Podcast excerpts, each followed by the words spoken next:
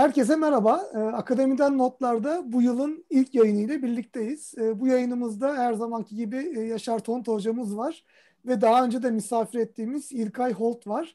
Ee, öncelikle herkese merhaba. Nasılsınız? Merhaba Orçuncuğum. Teşekkür merhaba, ederim. Merhaba. Merhaba Orçun. Merhaba Yaşar Hocam. 2020'lerin 2020'ye göre çok daha iyi olma ümitleriyle ve umutlarıyla e, girdik. Ve aslında bu yayınla ilgili daha önceden bir söz vermiştik e, kamu malı günüyle ilgili olarak bir e, özel yayın e, gerçekleştirecektik. Daha önce farklı programlarda e, kamu malı ile ilgili, e, bu kamu malı günüyle ilgili e, bazı bilgiler aktarmıştık ama e, 1 Ocak e, günüyle itibariyle aslında e, bu kamu malı günüyle ilgili daha detaylı bilgileri e, aktarmak isteyeceğiz. İlka istersen e, senle başlayalım. Bu kamu malı günü nedir? Bunun e, dünyadaki aslında bir kutlama oluyor. E, bu kutlamayla ilgili ne tip çalışmalar var? E, bununla ilgili nasıl bir e, süreç var? Onunla başlayalım daha sonra devam edelim. Olur Orçun. Herkese tekrar merhaba. Ben de herkesin yeni yılını kutluyorum. Umarım 2020'den daha iyi bir ve sağlıklı bir yıla merhaba demişizdir bugün. E, Orçun da dediği gibi 1 Ocak günü dünyanın pek çok ülkesinde Public Domain Day, olarak yani kamu malı günü olarak kutlanıyor. Bizde de aynı biçimde Türkiye'de en azından kamu malı olarak kutlayabileceğimiz günlerden kanunen çünkü bugüne denk geliyoruz. Kamu malı günü kavramı telif hakları, eserlerin telif hakları koruma süresinin bittiği gün anlamında aslında. O yüzden de yani senenin bitiminde 1 Ocak itibariyle e, telif eserlerinin kor, telif eseri koruması kalkan işte eserlerin artık kamu malı statüsüne geldiğini ifade ediyor bugün. Bu arada pek çok ülkede dedim. Dünyada çünkü her ülkede aynı e, aynı günde kutlanmayabilir ya da aynı güne denk gelmeyebilir. Her ülkenin yargı alanı ve sonuçta kanunları farklı olabiliyor. Ama pek çok ülke derken özellikle işte Avrupa ülkelerinden yoğunluklu olarak ya da Amerika'dan, Avustralya'dan bahsediyorum. Burada belki biraz e, ne kadar zamandır bugün bu 1 Ocak'ta kutlanıyor ona biraz değinebiliriz. E, bilindiği kadarıyla 2004'ten beri sonuçta bildiğimiz etkinlikler var e, bu konuda. Emin daha önce sonuçta tarihine baktığımız zaman kamu malının kavramsal olarak kullanıldığı ve bir, bir şekilde sonuçta e, etkinliklere çevrildiği şeyler olabilir ama özellikle bizim Creative Commons e, camiası içerisinde Lessing'in e, kurucusu da olduğu biliyorsunuz Creative Commons'ın kurucusu. İlk olarak 2004'te onun aslında liderliğinde bir takım etkin, etkinlikler yapıldığı görülüyor. Onun dışında kamu malı kavramına birazcık daha geri döneyim. Hem telif hakkı hem telif hakkı e, koruma süresi bitmiş olan eserlerden hem de hiçbir zaman aslında telifli olarak ya da telifle korunmamış olan eserlerden bahsediyoruz kamu malı dediğimiz zaman. Birazcık birazcık da bu koruma süresine değineyim isterseniz. Ee, Yaşar Hoca en azından sözü devre, devretmeden önce koruma süreleri kanunlarda sonuçta belirtiliyor. Bu kanunlar derken de fikir ve sanat değerleri Ülkemiz için FESEK 1951 tarihli FESEK kanunundan bahsediyoruz. Yazarın yaşamı artı 70 yıl ve varsa vekillerin de tabii e, yaşam e, zamanları da dahil olmak üzere bu sürelerin bitimi sonunda eserlerin telif hakları telif hakkının süresi dolmuş oluyor. Bu eserlerin koruma süresi ülkemizde 70 yılken başka ülkelerde 50 yıl olduğunu görebiliyoruz. Ya da örneğin Meksika gibi çok istisnai örnekler de var. 100 yıl gibi e, uzun sürelerle de korunduğunu görüyoruz. E, bunun dışında Yine farklı istisnalar var. Bunu belki biraz daha sonrasında e, tartışabiliriz ama Amerika gibi örneğin enteresan şeyler de var. Bu yıl örneğin Amerika için özel bir yıl. Çünkü 1925 tarihli e, eserler 2021 itibariyle e, public domain'e yani kamu malı haline geliyor. Orada da Aralık ayı boyunca büyük kutlamalar oldu. E, isterseniz bu kısa girişten sonra sözü bir başkasına devredeyim. Sonra e, siz de Sizden takip ederim Yaşar Hocam. Ee, peki ben e, birazcık aslında e, belki e, public domain day olarak değil ama yani bu tür fikir ve sanat eserlerinin herkesin kullanımına sunulması açısından e, geçmişte bu konularda çaba sarf etmiş e, belki de en önemli isimlerden birinden bahsetmek isterim. E, Project Gutenberg adını herkes duymuştur herhalde. Ki sayfası da var. Bunun başlatıcısının ilginç bir hikayesi var. Belki bugüne çok uyar diye onu paylaşmak isterim dinleyicilerimizle, izleyicilerimizle. Michael Hart 1971 yılında bir üniversitede çalışıyor, Illinois Üniversitesi'nde.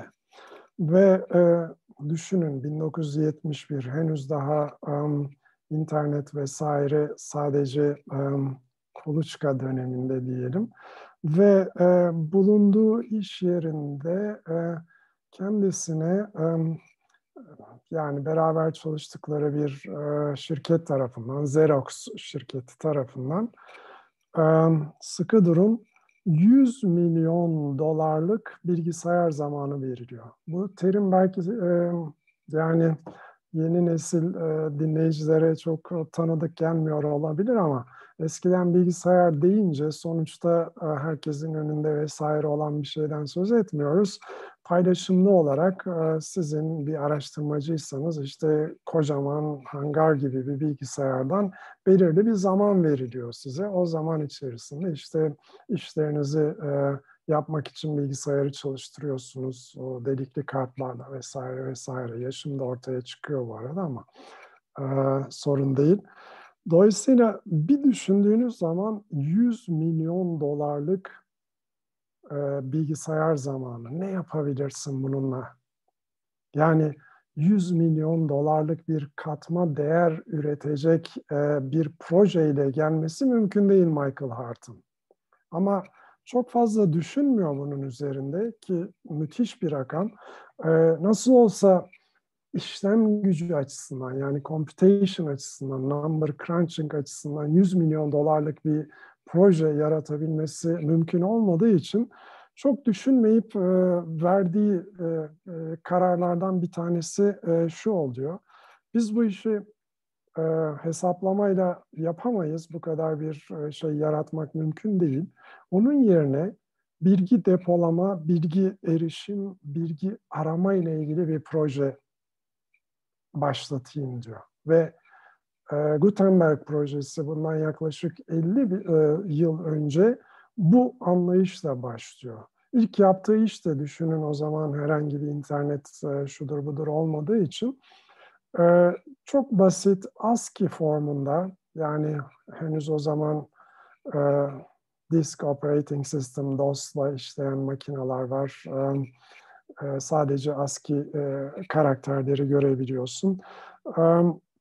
Yaptığı e, ilk iş e, işte e, hemen o, o şeyde bağımsızlık bildirgesini Amerika Birleşik Devletleri'nin yazıp her tarafa göndermek için şey yapıyor. Şimdi burada bu bir ilk örnek ama yani demin sözünü ettiğimiz 100 milyon dolarlık bir şeyi yaratabilmek için aklında olan e, telif hakkı olmayan kaynakların o zamanki en kolay erişilebilir formatta dijital ortama aktarılması yani ASCII e, kodları ile yazılıp okunabilecek, gönderilebilecek hali. Dolayısıyla da bunları herkesin kolayca okuyabilmesi e, amaç o. Ve bunu yapmak için de telifi olmayan işte e, haklar bildirgesi gibi, Amerikan Anayasası gibi, İncil gibi, Kur'an gibi e, telif hakkı olmayan eserlerden başlayıp e, bunları dijital ortama e, atmaya başlıyor. Ama tabii bu e, gönüllü bir iş sonuçta. Yani ben hatırlıyorum e, doktora yıllarında bu o programdan haberimiz e, olmuştu. O zamanlar da henüz daha e, ASCII e, baskındı. Ama daha sonra tabii ki ASCII tek e, oyun olmaktan e, çıktı. E, e, işin içerisine diğer e, gelişmeler, internet vesaire e, girince.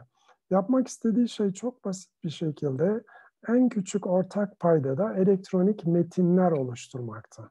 Bunu yaparken de işte genellikle e, e, işte Alice Harikalar Diyarında gibi, Peter Pan gibi bir takım daha e, hafif edebiyat eserleri ya da Shakespeare çünkü telif hakkı vesaire söz konusu değil. Daha geriye giden daha a, ciddi eserler. Bir de referans eserler işte sözlükler, e, tizaruslar, e, almanaklar vesaire gibi.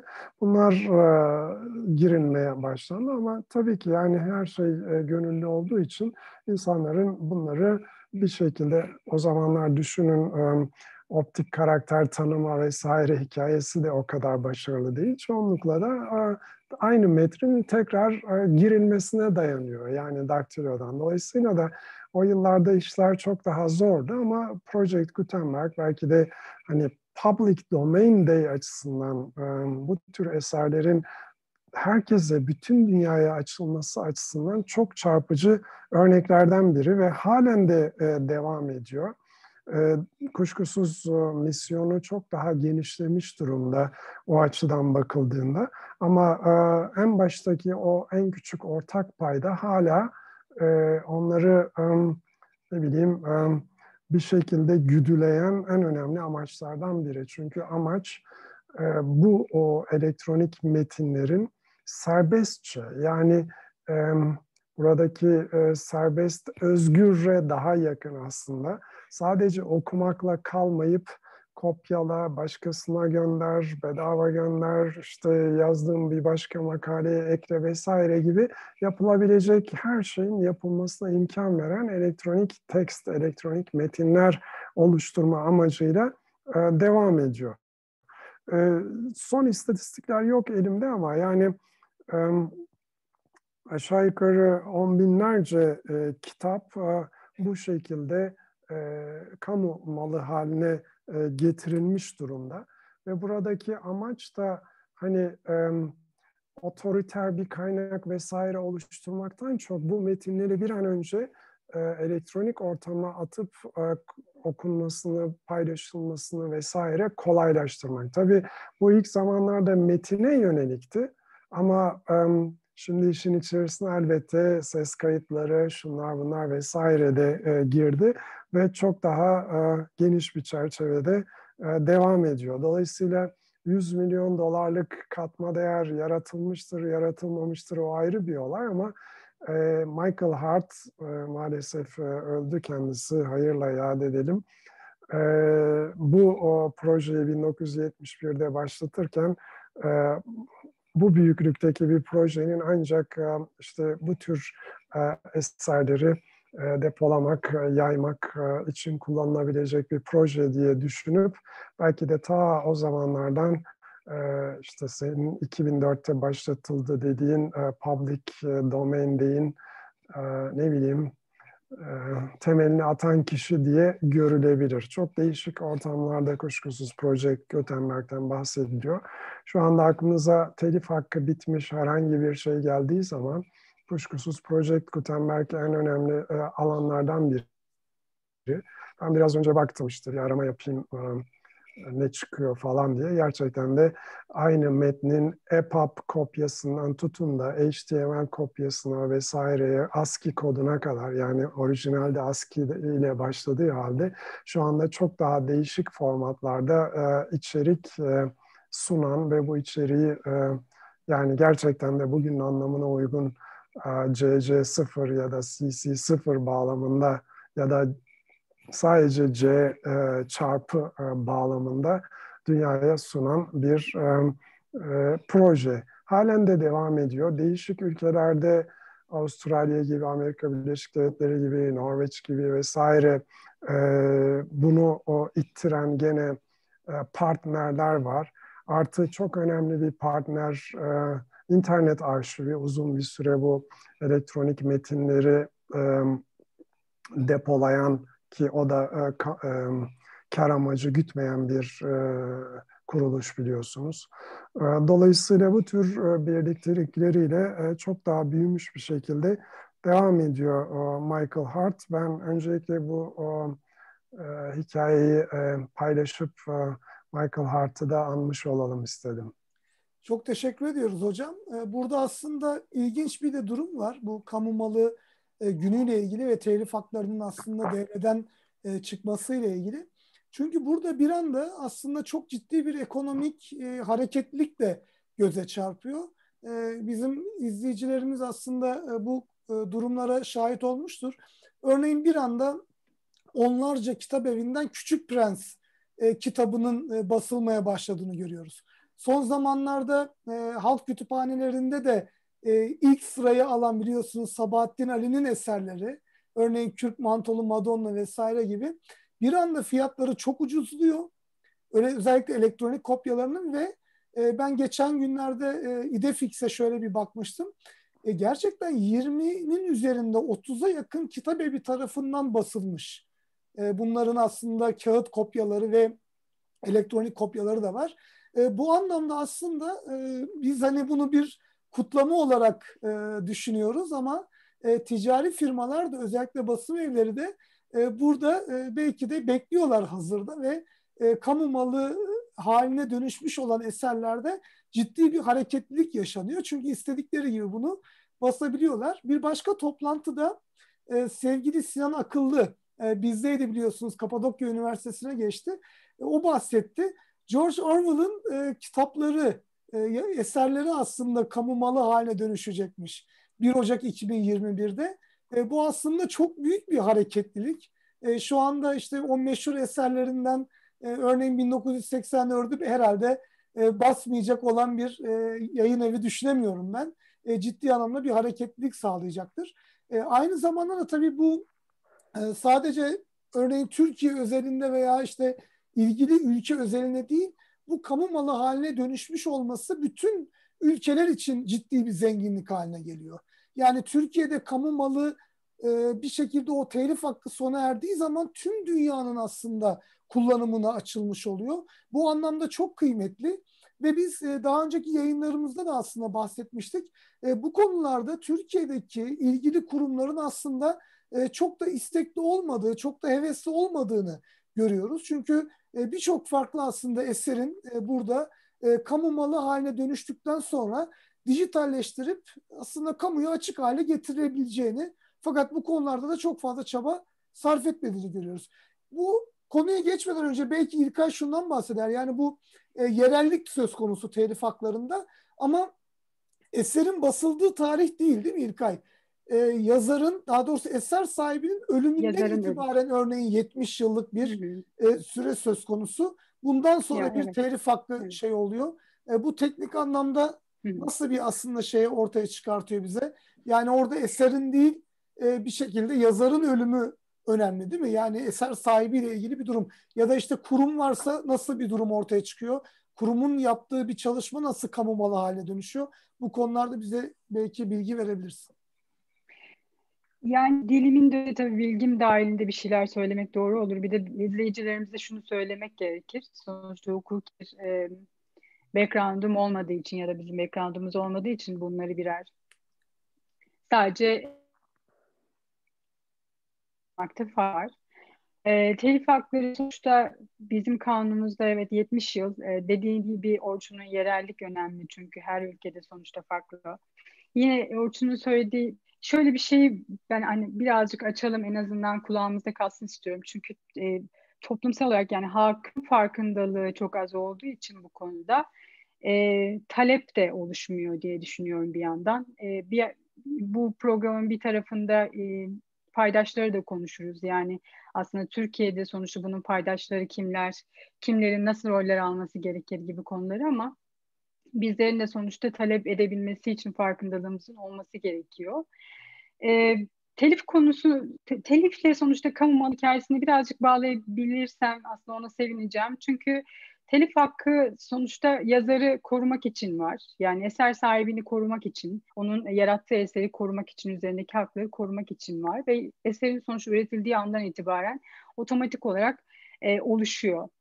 Bunda hiçbir yanlışlık yok. Bu güzel de bir şey. Aynı zamanda yaratıcılığı da, eserin e, e, toplumun da yaratıcılığını sonuçta teşvik eden bir e, konsept oluyor olması lazım.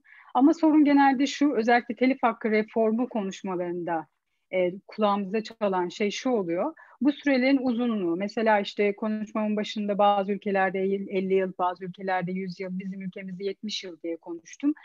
E, bu 70 yılın üzerinde ayrıca varsa sonuçta vekil denilen bildiğim kadarıyla o hakka sonuçta devrettiği diğer kişiler varsa eşi gibi, çocukları gibi onların da sonuçta süreleri bunlara ekleniyor.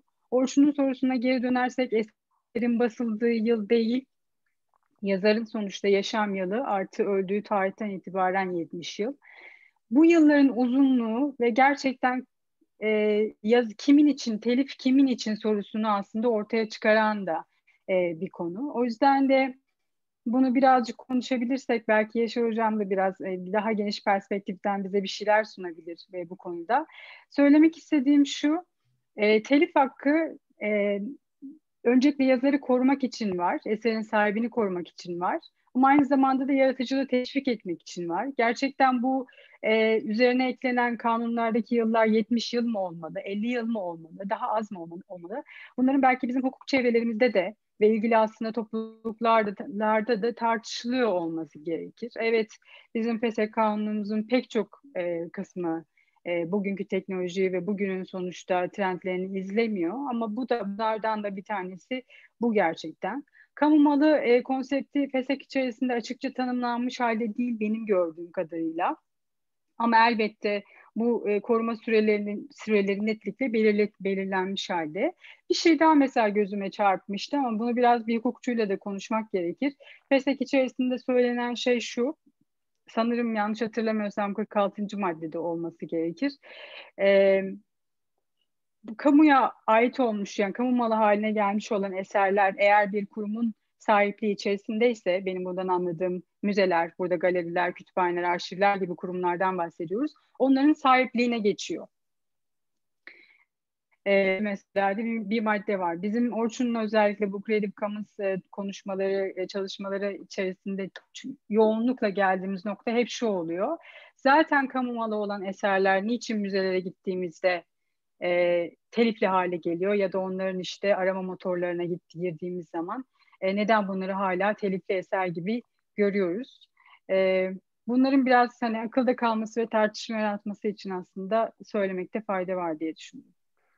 Yani Yaşar Hocam başlamadan ben şunu ekleyeyim. Aslında e, telif hakları ile ilgili bu kamu kuruluşlarındaki yapıda şöyle bir şey var. Yani orada da eserin alenileşmesinden itibaren e, geçecek bir süre söz konusu ve işte burada mesela Osmanlı döneminden e, kalma ve işte aleni, o zamanlar ta yıllar önce 100 yıl 200 yıl önceden alenileşmiş olan eserlerin de bugün hala biz kamu malı halinde erişilmesinde bir takım sıkıntılar görüyoruz. Bence burada e, belki herhangi bir e, eserin dijitalleştirilmesiyle birlikte o eserin üzerinde bir telifin e, oluştuğu konusunda bir sıkıntı var.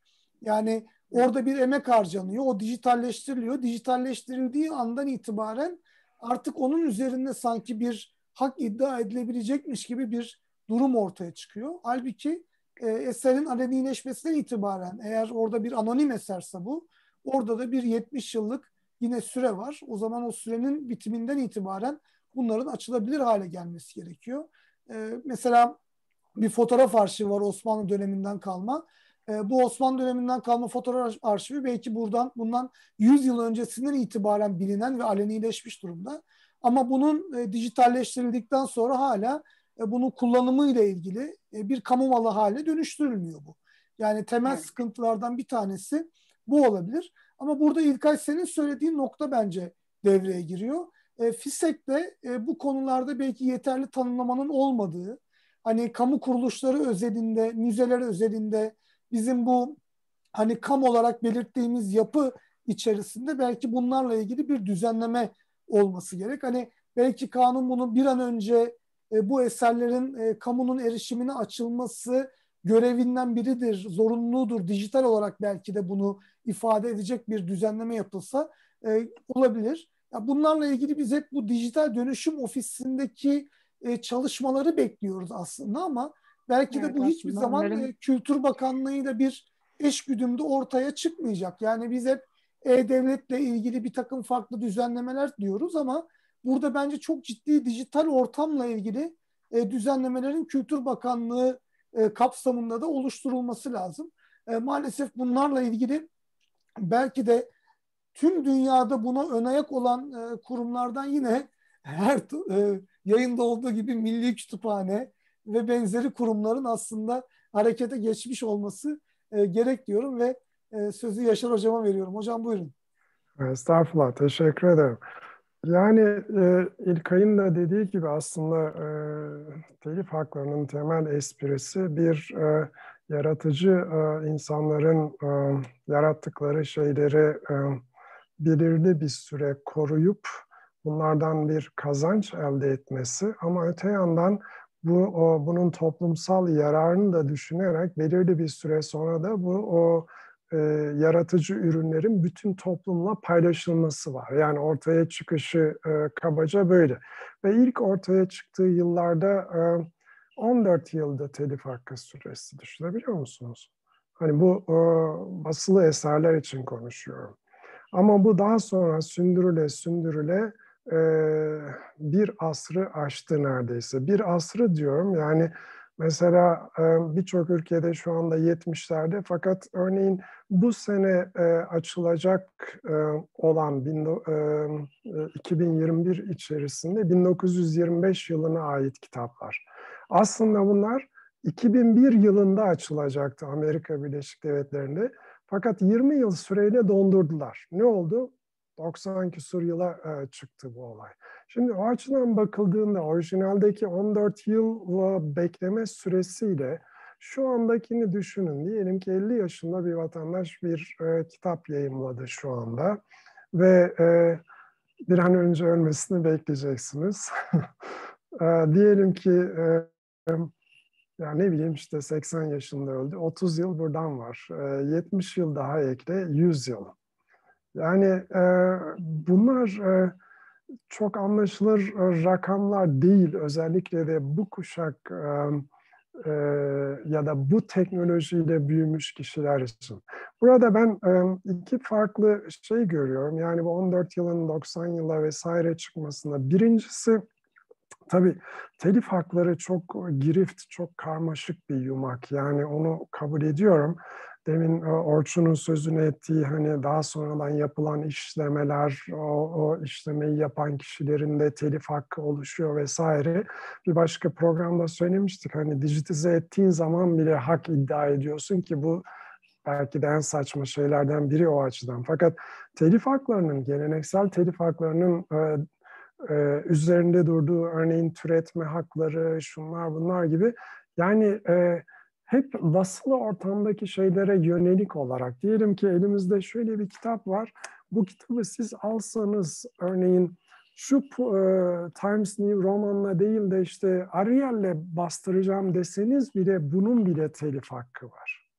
Yani bırakın bastırmayı, e, puntosunu değiştirmenin bile telif hakkı ile korunduğu e, durum var. Artı demin e, çok e, ayrıntıya giremedim ama yani e, kendi kullanımın dışındaki kullanımlar, işte bunu müzik eserlerinde de görüyorsunuz. Yani kendi kulaklığınızdan dinlemek ayrı bir olay ama öte yanda bir restoranda çalmak ayrı e, e, ödemelere tabi, haklara tabi şeyler. O açıdan da e, çok karmaşık haklardan söz ediyoruz. Fakat buradaki benim e, gördüğüm sorunlardan bir tanesi bu işleme hikayeleri. Özellikle bunlardan para kazanan işte Disneyland karakterleri şunlar bunlar gibi vesaireler tarafından sürekli sündürülüyor ve lobicilikte onlar daha başarılı olduğu için habire bu o 50'den 70'e çıkıyor, 70'ten dondurulup 90'a 100'e çıkıyor her neyse böyle e, devam ediyor. Bir bu var. Bir ikincisi de topyekün hani e, orijinal telif hakkı e, yasaları oluşturulurken demin sözünü ettiğimiz o ikili yapı konusunda aradan geçen on yıllar sürecinde e, ne tür değişiklikler olduğu o pek dikkate alınmıyor. Bunu elbette bunlardan ekmek yiyen şirketlerin dikkate almasını isteyemezsiniz vesaire ama bazı şeyleri de görmemiz gerekiyor o açıdan bakıldığında.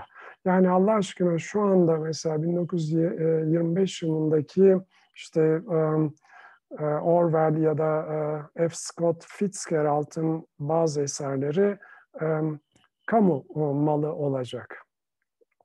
Evet ama yani bir düşündüğünüz zaman 1925 neresi, 2021 neresi? Yani bu kadar uzun süre e, bekleme e, değer mi? Hani 14 yıl olduğu zaman biraz daha anlaşılır bir olay.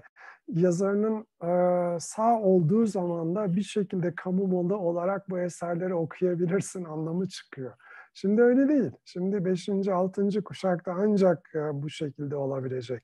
Bununla ilgili yıllar önce aslında çok mantıklı bir öneri yapılmıştı. Ee, e, Ağlaşmış Bilgi Koalisyonu e, Başkanı e, Clifford Lynch e, ismini herhalde e, çoğu kimse biliyordur. Şöyle bir öneride bulunmuştu. Ya e, devir değişiyor. Bu önerinin de üzerinden belki 15-20 yıl geçmiştir. Şimdi tarihini hatırlamıyorum ama e, biz bu şekilde 50-70 yıl vesaire gibi e, toptancı bir yaklaşımla e, yıl belirtmek yerine şu anda bilgi çok daha hızlı yayılıyor, çok daha hızlı tüketiliyor, çok daha hızlı yeni şeyler yaratılıyor bu bilgiden. Bırakalım bu işi. Hani e, örneğin ilk çıktığında bunu 5 yıl yapalım. Bu 5 yıl e, içerisinde eğer bu eser tutunuyorsa yani çok popüler oluyor, çok satan oluyor vesaire falan filan. Ee, beş yılın uzatılma isteğini yazara bırakalım. Yani örneğin bir beş yıl daha istesin vesaire.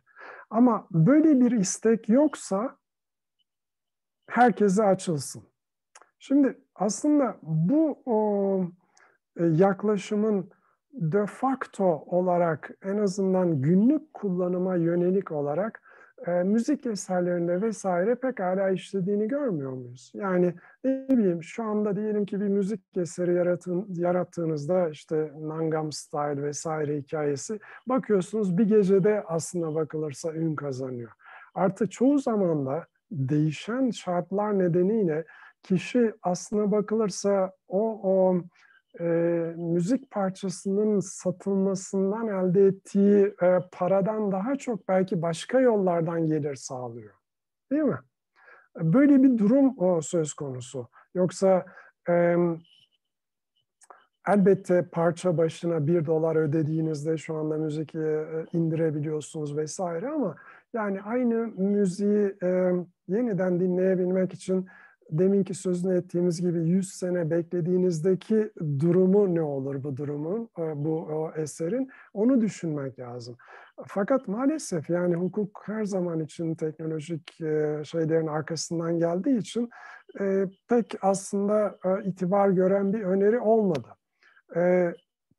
Yani Özellikle de basılı eserler vesaire açısından düşünüldüğünde de aynı şey söz konusu. Bugün birçok alanda aslına bakılırsa e, açık erişim, açık bilim programlarında da konuştuğumuz gibi özellikle kamu kaynaklarıyla desteklenen şeylerin çok daha hızlı bir şekilde açılması lazım. Ha, edebi eserler dediğimizde evet e, yaratıcıların haklarını en azından gelir getirdiği sürece daha e, uzun süre korumak kuşkusuz önemli. Fakat öte yandan bu o, hani ilginç bir silah haline de gelebiliyor. Bunu o, basında da özellikle işte ne bileyim çok ünlü bir halk müziği sanatçısının o, üçüncü kuşak torunu o, karşı çıktı diye 10 şarkının olduğu bir albüme o kişinin bir eserini koyamıyorsunuz örneğin. Bu tür bir e, engelleme söz konusu. E, vatandaş öyleli aradan ne kadar zaman geçmiş ama bir şekilde toplumun bu o, ürünle, bu yaratıcılık ürünüyle e, bir şekilde tanışması bu tür e, bence birazcık hani zoraki, yapay şeylerle de önlenmiş oluyor. Yani diyebilirsiniz ki e, peki e, hala gelir getirmeye devam ediyorsa, yaratıcısı ölmüş olsa bile bundan e, ne bileyim varisleri e, yararlanmasın mı? Şimdi burada e, genellikle eserlerin kullanılma biçimlerine vesaire bakıldığında bu çok çarpık bir dağılımdır. Yani çok çok az yazarın eserleri bir sonraki yüzyıla vesaire kalır o açıdan düşünüldüğünde. Yani biraz önce Project Gutenberg'ten söz ederken işte Shakespeare'den şundan bundan bahsettik. Değil mi? Ama kaç tane Shakespeare'iniz var e, o açıdan bakıldığında? Dolayısıyla da biraz önce Clifford Lynch'in e, önerisi şey söz konusu olsa bakın birçok eser mesela şu anda ikinci basımı yapılmıyor. Çok büyük bir kısmının. Ama aynı telif hakları e, yazarın ömrü artı 70 onlar için de geçerli. Yani e, hayır diyemiyorsunuz. Çünkü işin içerisinde sadece yazarın hakları girmiyor, yayıncının, resimci, e, resimleyenin vesairesinin hakları da giriyor. E, demin dediğim gibi toptan bir kapatıyorsunuz. Ondan sonra da bekle ki e, yazarın ömrü artı 70 yıl geçsin bir şeyler yapabilelim diye. Orçun'un biraz önce değindiği e, yani e, Küçük Prens olayı başlı başına bir aslında örnek olay o açıdan bakılınca. Hocam Dolayısıyla... aslında burada e, yani çeviri işin çeviri tarafı da çok ilginç. Yani çeviriyle ilgili olarak e, aslında burada çeviri yapıldığı andan itibaren bir de çevirinin telifiyle ilgili bir durum devreye giriyor aslında burada da e, çok belirleyici durumlar yok. Çünkü diyelim ki eserin e, telif hakkının e, dolmasına diyelim ki 3-4 yıl var. Siz o eserin haklarını satın alıyorsunuz ve çeviriyorsunuz. E, çevirmenin telif hakları devreye giriyor aslında bir anlamda. E, şimdi bir de çevirmenin e, hayatı boyunca bu bir telif hakkı mı devreye girecek? Onun ölümünden sonra bir 70 yıl mı o çeviri için devreye girecek? Burada işletme hakkı aslında devreye giriyor. Bir takım farklı çalışmalar e, devreye giriyor ve e, bu bağlamda aslında e, hani bu belirsizlikler de e, ciddi sıkıntılara e, yol açıyor diye ben düşünüyorum. Sanırım o konuda herhalde işte bu mali hakların devri yani yayıncılarla çevirmenler arasında olan işte anlaşmalar evet. vesaire aslında. Yani kanuna baktığında o, o detaya sonuçta giren bir şey olmasa da dediğin gibi sonuçta paydaşlar arasında yapılan diğer anlaşmalarla maalesef bu kısıtlar daha da daha da fazla artıyor.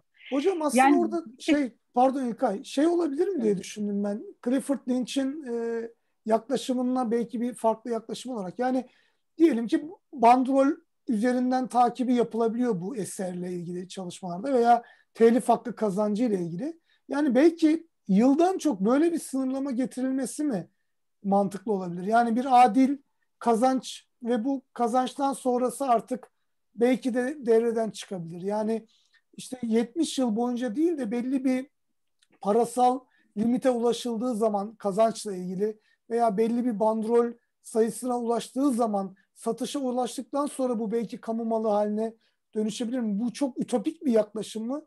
Yoksa böyle bir aslında yaklaşım var mı? Böyle bir şey takip edilebilir mi sizce? Yani burada benim gördüğüm aslında telif hakları e, eser türlerine göre zaten bir farklılık e, arz ediyor. Yani örneğin veri tabanı oluşturduğunuz zaman diyelim ki onun koruma süresi çok daha e, kısa. Ama öte yandan en azından bazı yorumlarda veri tabanına her yeni kayıt eklendiğinde telif hakkı yeniden başlıyor diye e, yorumlanabiliyor bu ya da e, patentler söz konusu olduğunda bu süre 70 yıldan e, vesaire çok daha kısa. Buradaki e, sanıyorum ki e, üzerine gidilmesi gereken en azından benim düşündüğüm zamanın değiştiği olayı. Yani teknolojinin değiştiği olayı. İnsanların bugün e, hani e, 100 yıl öncesinde olduğu gibi aldığı kitabı sadece kendisini okuyacak, e, kendisi okuyacak, belki de birine ödünç verecek biçiminde düşünülmemesi lazım. Zaten bilginin hani e, artış hızı, akış hızı, onun üzerinde değişiklikler yapılabilmesi, meşaplar yapılabilmesi, yaratıcılığı körükleyen şeyler. Yani yeni nesil e, vatandaşlara deseniz ki ya sen e, bu gönderdiğim kitabın puntosunu bile değiştiremezsin. Herhalde e, anlamakta güçlük çekerler o açıdan bakıldığında. Onun için de yani geçmişin metaforlarına, geçmişin e, e, teknolojilerine dayalı olarak oluşturulmuş telif hakları kanunlarının kesinlikle değişmesi lazım. Süre olur, başka bir şey olur, kazanılan para olur vesaire vesaire ama topyekün e, bu e, orijinal olarak telif haklarının ruhunda olan hem yaratıcıları koruma hem de toplumun bu yaratıcılıktan yararlanma hikayesini biz tek yanlı olarak ki çok daha önemli toplumun bunlardan yararlanıp yeni şeyler üretmesi bir şekilde kısıtlamış oluyoruz. Bunun o, önlenebilmesi gerekiyor. Yani o tür kısıtlamalar var ki hani hala mesela e, diyelim ki bir orkestra e, belirli bir eser çalacak değil mi?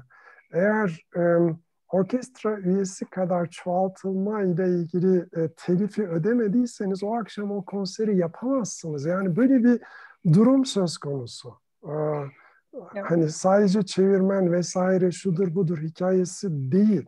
Ama bunlar bu devirde uçar mı? Bunun tartışılması gerekiyor.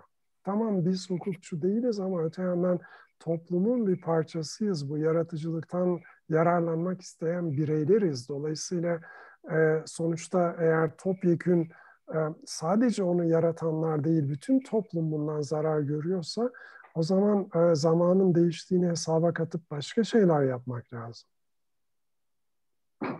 İlkay Hocam bu söylediğiniz konser örneği çok pardon. Eğitim konusunda da öyle aslında. Yani doğru, kullandığınız doğru, tabii. eğitim materyali videoyu aslında sınıfta gösterebilirsiniz ama üniversitenin dışına çıktığınızda çıktıp da başka bir yerde ders yaptığınızda aynı şeyi gösteremeyebilirsiniz. Çünkü adil kullanıma vesaire girmediği için o noktada. Doğru, doğru. Pek çok problem var gerçekten. İlkay bu e, Wikipedia üzerinde e, biz farkındalığı oluşturmak için senin bir çalışman vardı. E, ondan bahsedebilir misin? Bu e, kamu malı günü Wikipedia'da yoktu. Öyle. E, evet, kamu malı, kamu malı ve kamu malı günüyle ilgili sonuçta maddeler var Wiki, Wiki, e, Wikipedia'da. E, bunlar İngilizce olarak var. Biz de aslında bu son bir haftamızı e, onları Türkçe e, çevirmekle geç, geçirdik. E, bugün itibariyle de aslında sizlere sunuyor olmayı planlıyoruz. Dolayısıyla e, bu linkleri de paylaşacağız. En azından Türkçe olarak da sonuçta herkes gidip kamu, kamu malı ile ilgili bir şeyler okuyabilsin. E, bir yerde bir kaynak yaratmaya başlayabilelim diye. Burada aslında şunu sorabilirim size. Yani kişiler kendi çalıştıkları kurumda veya kendi sahip oldukları bir takım eğer telif hakkına sahip olan eserler varsa yani bunları toplumun geneline açmak, toplumda bu açık kültüre katkı sağlayabilmek sağlayabilmek için neler yapılabilir? Ya örneğin Hacettepe Üniversitesi'nde benim bildiğim e, Hacettepe'nin sahip olduğu birçok arşiv olabilir. Bunlar fotoğraf arşivleri olabilir. Yıllar öncesinden kalan e, bir şekilde müzikle ilgili arşivler olabilir. Üniversitenin kendi yayınları olabilir. E, telifinin kendinde bulunduğu yayınlar olabilir. Aslında herkes kendi çalıştığı kurumla ilgili, kendi sahip olduğu belki de eserlerle ilgili böyle bir çalışma yapabilir. Yani burada e, daha önce İlkay senle de konuşmuştuk toplantılarda. E, Türkiye'deki fikir ve sanat eserleri kanununda e, siz teliften vazgeçemiyorsunuz. Böyle bir durum söz konusuydu. Ve burada aslında hani hem Creative Commons lisanslarının, bu açık lisansların hem de bu kamu malının farkındalık sağlanması çok çok önemli. Yani belki siz bundan hiçbir kar elde etmiyorsunuz elinizdeki eserden, telif eserden. E, hiçbir şekilde kullanılmıyor. Bu belki üniversitelerin kendi yayınları içinde geçerli ama bunun baskısını da yapmıyorsunuz. Yani yeni baskısı da yok. Sadece mesela üniversitede birkaç kopyası var. Ama bunu bir şekilde dijital olarak elinizde olsa bile bunu e, kamu malı haline getirip veya ilgili Creative Commons lisanslarıyla bunu e, açık hale getirmiyorsunuz. Ve bu aslında kurumlarda yatan, kurumların kendi içinde yatan belki de binlerce e, eser, kitap, e, müzik eseri, video durumu burada vardır. Yani burada aslında tüm e, kurumlarda çalışanlar bir iç çalışma yapabilirler ve bunları aslında bir kamu malı haline dönüşmesi sağlanabilir. Bu kütüphanelerdeki eserler olabilir. Arşivlerdeki eserler olabilir. Hacettepe Üniversitesi arada paylaşıyor mesela. Ee, sevgili Yaşar Hocam'ın da zamanında diktiği ağaçların o ilk yıllarının fotoğrafları vesaire. Yani ben bunlar neden dijitalleştirilip bir arşivde kamu malı haline dönüştürülmez veya ilgili lisanslarla paylaşılmaz? Bunu bilemiyorum. Yani bunun önündeki engel nedir acaba? O zamanında o fotoğrafı çeken kişiyi bulamamak mı? Bunlarla ilgili bir sıkıntı mı? Yani aynı şeyi biz tezlerde de konuşmuştuk hatırlarsanız. Hani önce açalım problem olursa onunla ilgili bir şey yapalım mantığını biz savunuyoruz ama kimse özellikle de herhalde ekipte hukukçular olunca hukukçular yöneticilerin gözünü mü korkutuyor? Korkutuyorlar yani evet. Böyle bir sıkıntı evet. var herhalde. Bu konularda ne diyeceksiniz? İlkay ile başlayalım. Hocam sonra siz devam edin isterseniz. Ya Orçun sen de biliyorsun aslında bizim özellikle Creative Commons lisanslarını bu arada Creative Commons'ın lisansları hemen parantez açalım. Telifli sonuçta eserler için. Altı tane her yerde anlattığımız lisansı telifli eserler için ama iki tane. Bir tanesi e, kamu malı diye adlandıralım. E, C ve üstünde çarpı işaretiyle sembolize edilen. İkincisi de sonuçta CC0 olan, e, CC0 e, aracı olan iki tane kamu malı aracı var Creative Commons'ın. Beklediğimiz şey de şu oluyor ya da işte bizim e, Creative Commons'ı kullanabilecek arkadaşlarla, topluluklarla e, konuşmalarımızda bunu zaten dijitalize ettiğiniz e, koleksiyonlara uygulayabilirsiniz diyoruz. Birincisi bizim karşımıza çıkan şey şu oluyor. Kamu malı ile açık erişim arasında bir, bir kavram kargaşası. Mesela benim karşıma çok çıkıyor yani açık erişim, telifli eser ama açıkça erişilebildiği için kamu olduğunu biliyor insanlar. Bence bu konuda biraz farkındalık eksikliğimiz var. Biraz daha belki eğitime yönelik şeyler yapabiliriz. Bir de iyi rol modelleri yok belki herkesin görüp de örnek olarak alabileceği, kullanabileceği. Yine Creative Commons lisanslarına döner isek, e, bugün biliyoruz işte üniversitelerimizin bir sürü dijital koleksiyonları var, kurumsal arşivleri var. Elimizde bunlar aslında dijitalleştirilmiş halde pek çok koleksiyon var kısacası. Ama bunlara bildiğimiz halde kamu malı olduğunu bildiğimiz halde sonuçta bu lisansları ya da araçları bu hak e, üst verisini eklemiyoruz. Dolayısıyla hiçbir yerde de bunlar bu şekilde indekslenmiyor.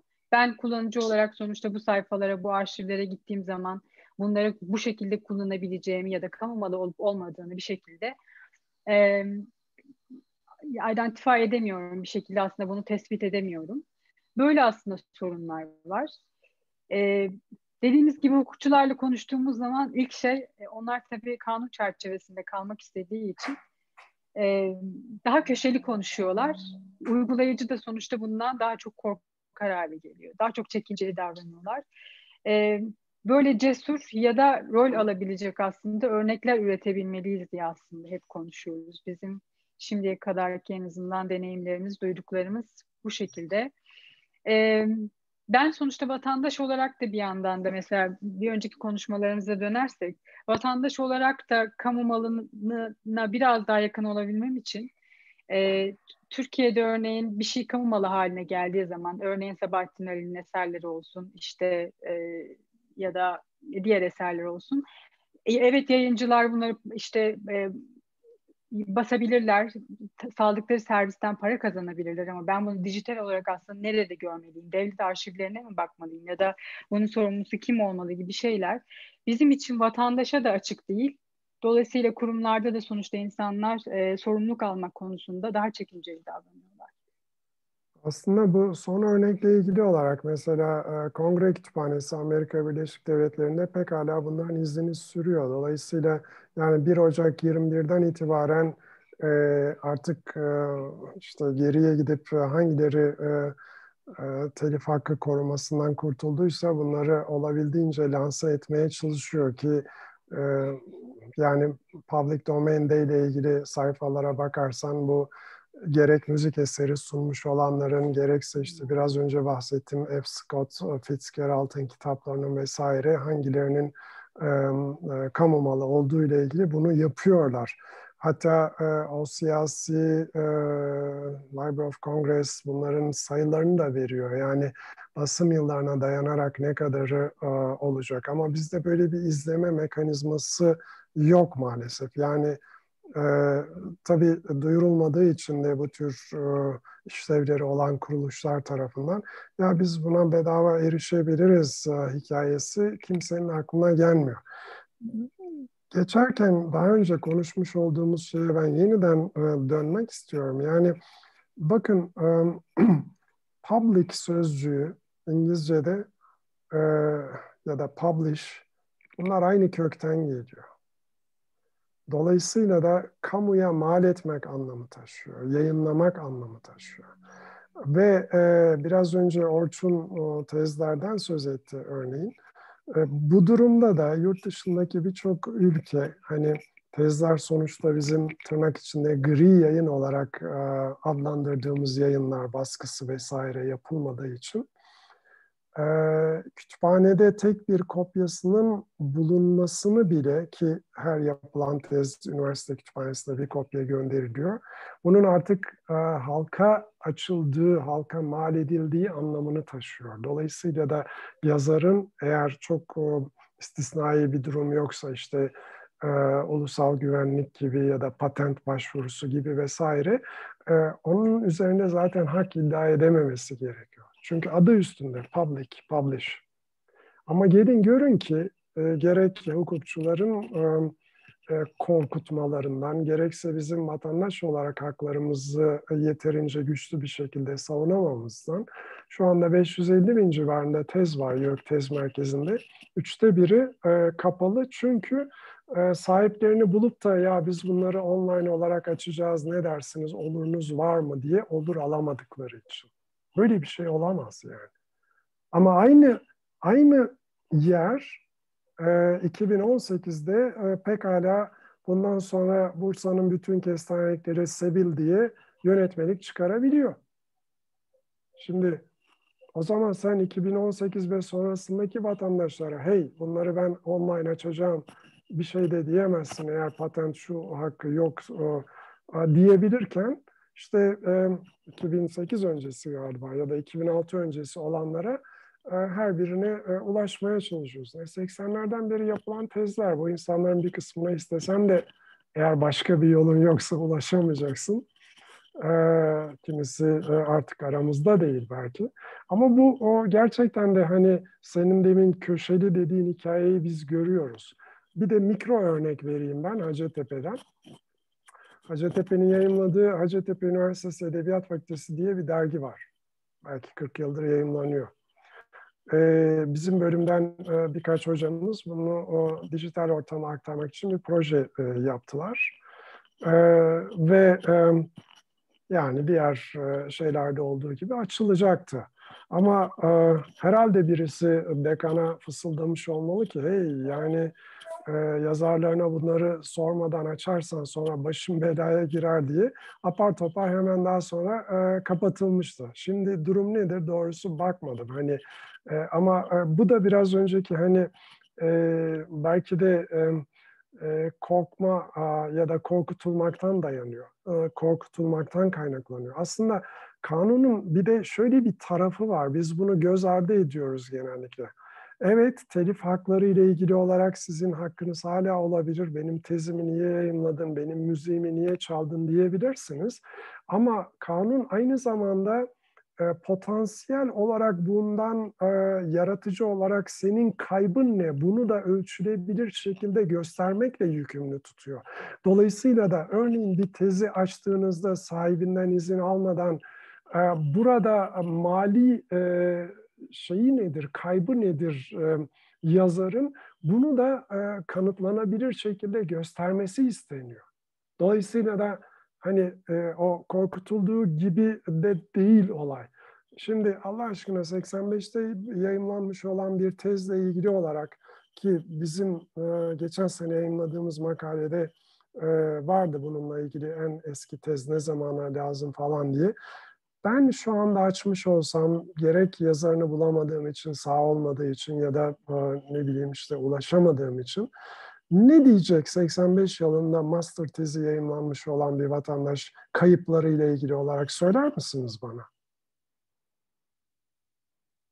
Kaldı ki bu tür e, özellikle bilimsel amaçla mesela biraz önce e, Project Gutenberg'ten vesaire bahsettik. Amerikan e, şeyinde en azından e, kurallarında işte ne bileyim e, bazı formüller, Newton'un formülleri, şunlar bunlar zaten açıktır. Yani bunlarla ilgili herhangi bir telif hakkı şudur budur koyamazsın bu tür şeylerle ilgili olarak. Dolayısıyla buradaki tutucu davranışın değişmesi gerekiyor. Yani ben hatırlıyorum henüz daha e, tezler e, elektronik olarak açılmadan içindekiler sayfasının fotokopik çekilmesine bile izin verilmiyordu bir zamanlar. Sonra lütfedildi vesaire. Bırak yani orada da telif haklarındaki şey vardı. İşte bir eserin yüzde onuydu galiba. Yüzde onundan fazlasını çoğaltamazsın vesaire. Hatta e, tabelalar konur. Dolayısıyla fotokopiciler önlenmeye çalışırdı. Hani ne zaman telif hakkına e, şey yapıyorsun, ne zaman ediyorsun. E şu anda öyle bir ortamda yaşamıyoruz. Yani en son ne zaman fotokopi çektirdiniz? Hem size sorayım hem de dinleyicilerimize soralım. Hocam fotokopi işi zaten cep telefonunun kamerasıyla artık ona döndü bir şekilde yani, ama işte zaten değişen zamanlar bu. Yani bunu dijital almazsanız dijital kopyasına erişmek işi zaten bence en kritik noktalardan biri haline geldi. Ben ilk e, tablet bilgisayar aldığım zaman e, bayağı zaman geçmiştir onun üzerinden de. Belki bir 8-10 yıllık süre. E, orada kitap uygulamasının içinde bu sizin e, Gutenberg projesinden gelen aslında bütün klasik eserler vardı İngilizce dilinde. Ve bu gerçekten büyük bir zenginlikti. Hatırlarsanız Google'ın e, kitaplarla ilgili olan e, bu e, veri tabanında da aslında bütün bu kitaplara erişilebiliyordu. Yani o sahip oldukları kültürün ne kadar geniş bir kitleye ulaşabildiğini düşünsenize. Yani siz burada Türk kültüründen bahsediyorsunuz, bu kültürü yaymaktan bahsediyorsunuz.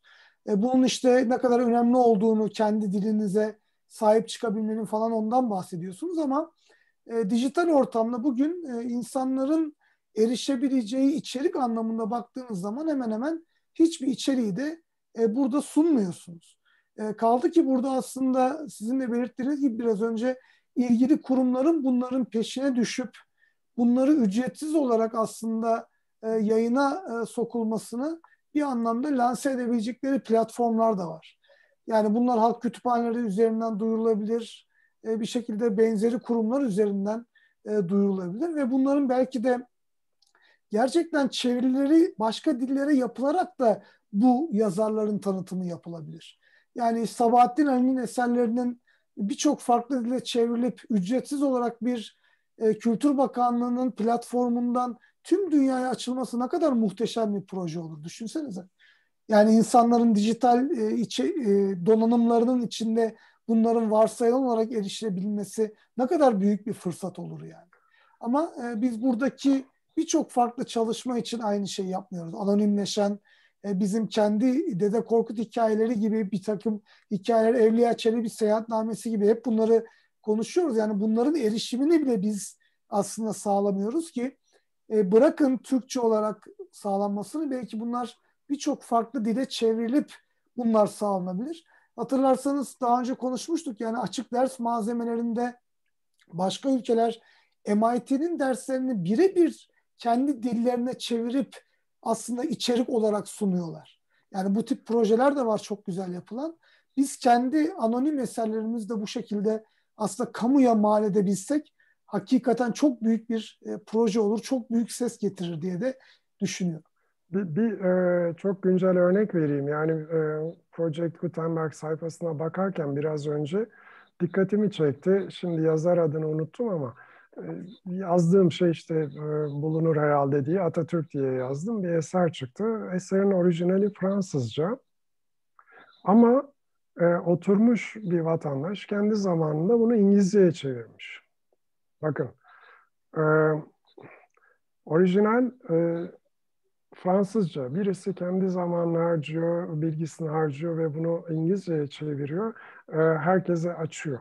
Dolayısıyla hani e, bu aynı zamanda demin senin sözünü ettiğin bunun üzerine konulacak gerek crowdsourcing aracılığıyla daha yaratıcı ya da en azından o dili bilmeyen kişilerin de o eseri okumasını sağlayacak bir takım çalışmaların da yapılmasını engellemiş oluyor ki şu anda mesela birçok proje aslına bakılırsa bu tür crowdsourcing dediğimiz işte kitle kaynaklarıyla beslenerek yürütülüyor.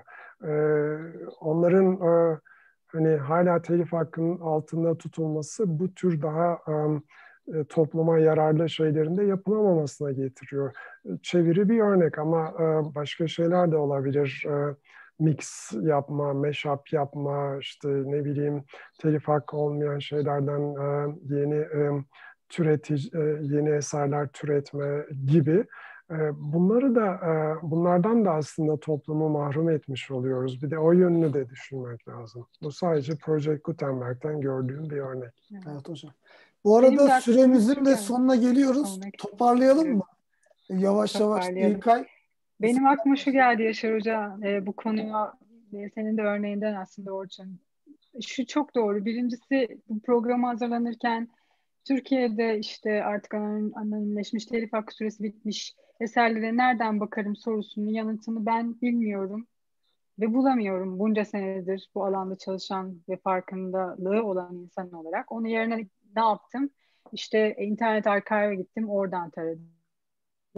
Bulduğum kurumlar da internet arşive sonuçta bu e, Türkçe içeriği aktarmış olan kurumlarda hepsi Türkiye dışından kurumlar. Bunlar bu acı bir örnek benim için. Gerçekten acı bir örnek. Daha fazla aslında aktif olmamız lazım. Artı ne kadar çok Türkçe telif hakkı artık bitmiş kamu malı haline gelmiş eserleri internete yükleyebilirsek bu crowdsourcing araçları ya da işte Google Translate gibi şeyler daha fazla insan için çalışabilir. Çünkü Türkçeyi daha fazla işliyor olacak sonuçta bu, bu mekanizmalar. O anlamda da gerçekten önemli bizim dijital web ortamında neleri Türkçe olarak sunduğumuz. Bu Wikipedia'da olabilir, internet arşivde olabilir. Ya, kamu kuruluşlarının elindeki artık yeni basımını yapmadıkları, yapmak istemedikleri bütün eserleri Creative Commons'ta lisanslayıp bunları internet ortamına açmaları lazım ya. Yani bütün üniversite yayınları bunun, İlk yapabileceğimiz şeyler. Tüm kurumların yayınları bunların içerisinde. Yani yeni baskısı yoksa bunu internet ortamından sun. Şimdi bu pandemi döneminde birçok çalışma yapıldı. Ama gerekli lisanslama çalışmaları olmadan yapıldı. Yani üç tane e, açık öğretim fakültesinin bu hakka sahip olan üniversitenin bütün açık öğretimle ilgili kitapları binlerce PDF kitap bir gecede açtı yok. Hiçbir lisanslama düzenlemesi olmadan. İşte bir takım farklı kitaplıklar, kurumlar bunları yaptılar. Ya biz bunları bu pandemi süreci içerisinde tırnak içine söylüyorum. Bir şov gibi değil de belli bir düzenleme içinde bunları paylaşalım gerçekten. Yani bunların telifleri üniversiteler tarafından ödenmişse bu kitapların ve bunlar bir gecede açılabiliyorsa YÖK dersleri platformu altında. Ya bunların düzgün lisanslamasını yapalım. Bütün insanlar bunları nasıl kullanabileceklerini, nasıl paylaşabileceklerini, nasıl üzerinde değişiklik yapabileceklerini ya da yapamayacaklarını bilsinler yani. Ama biz burada gerçekten bu konuda gerekli olan düzenlemeyi yapmıyoruz. Yapmadığımız için de benim korkum bu açılan çalışmalar şu anda yarın bir gün nasıl açıldıysa o hızla kapatılacak. Bu pandemi süreci tamamlandığı zaman. Yani bu düzenlemeleri de bizim mutlaka yapmamız lazım. Madem burada bir evet hızlı bir değişim e, sağladık. Bununla ilgili de oluşturmamız lazım diyeyim ve e, son e, sözleri de alayım. Ondan sonra bugünkü yayınımızda tamamlayalım. Yani e, bu tür uygulamalar bir de e, yaratıcılarda ya acaba ben bir şey kaçırıyor muyum sanısı uyandırıyor. E, biraz önce tezlerle ilgili olarak konuştuk ama aynı yaratıcı kesim, hepinizin bildiği bir örnek bu. Dergi Park'ta şu anda 2000'den fazla e, dergi barındırılıyor. Ve bunun karşılığında vazgeçtiği şey ne yazarın? Yayınlanan makalelerin o dergilerde herkese açık olması. Sorun var mı?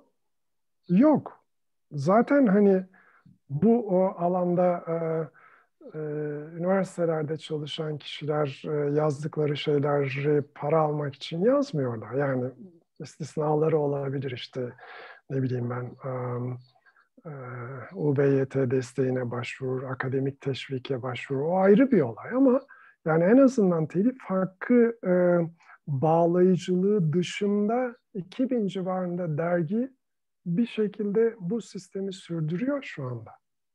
Dolayısıyla da hani bazı şeyleri verili olarak kabul etmek doğru değil. Özellikle de bu konuşma boyunca vurgulamaya çalıştığım gibi hani zamanın değiştiği olayını görebilmemiz gerekiyor.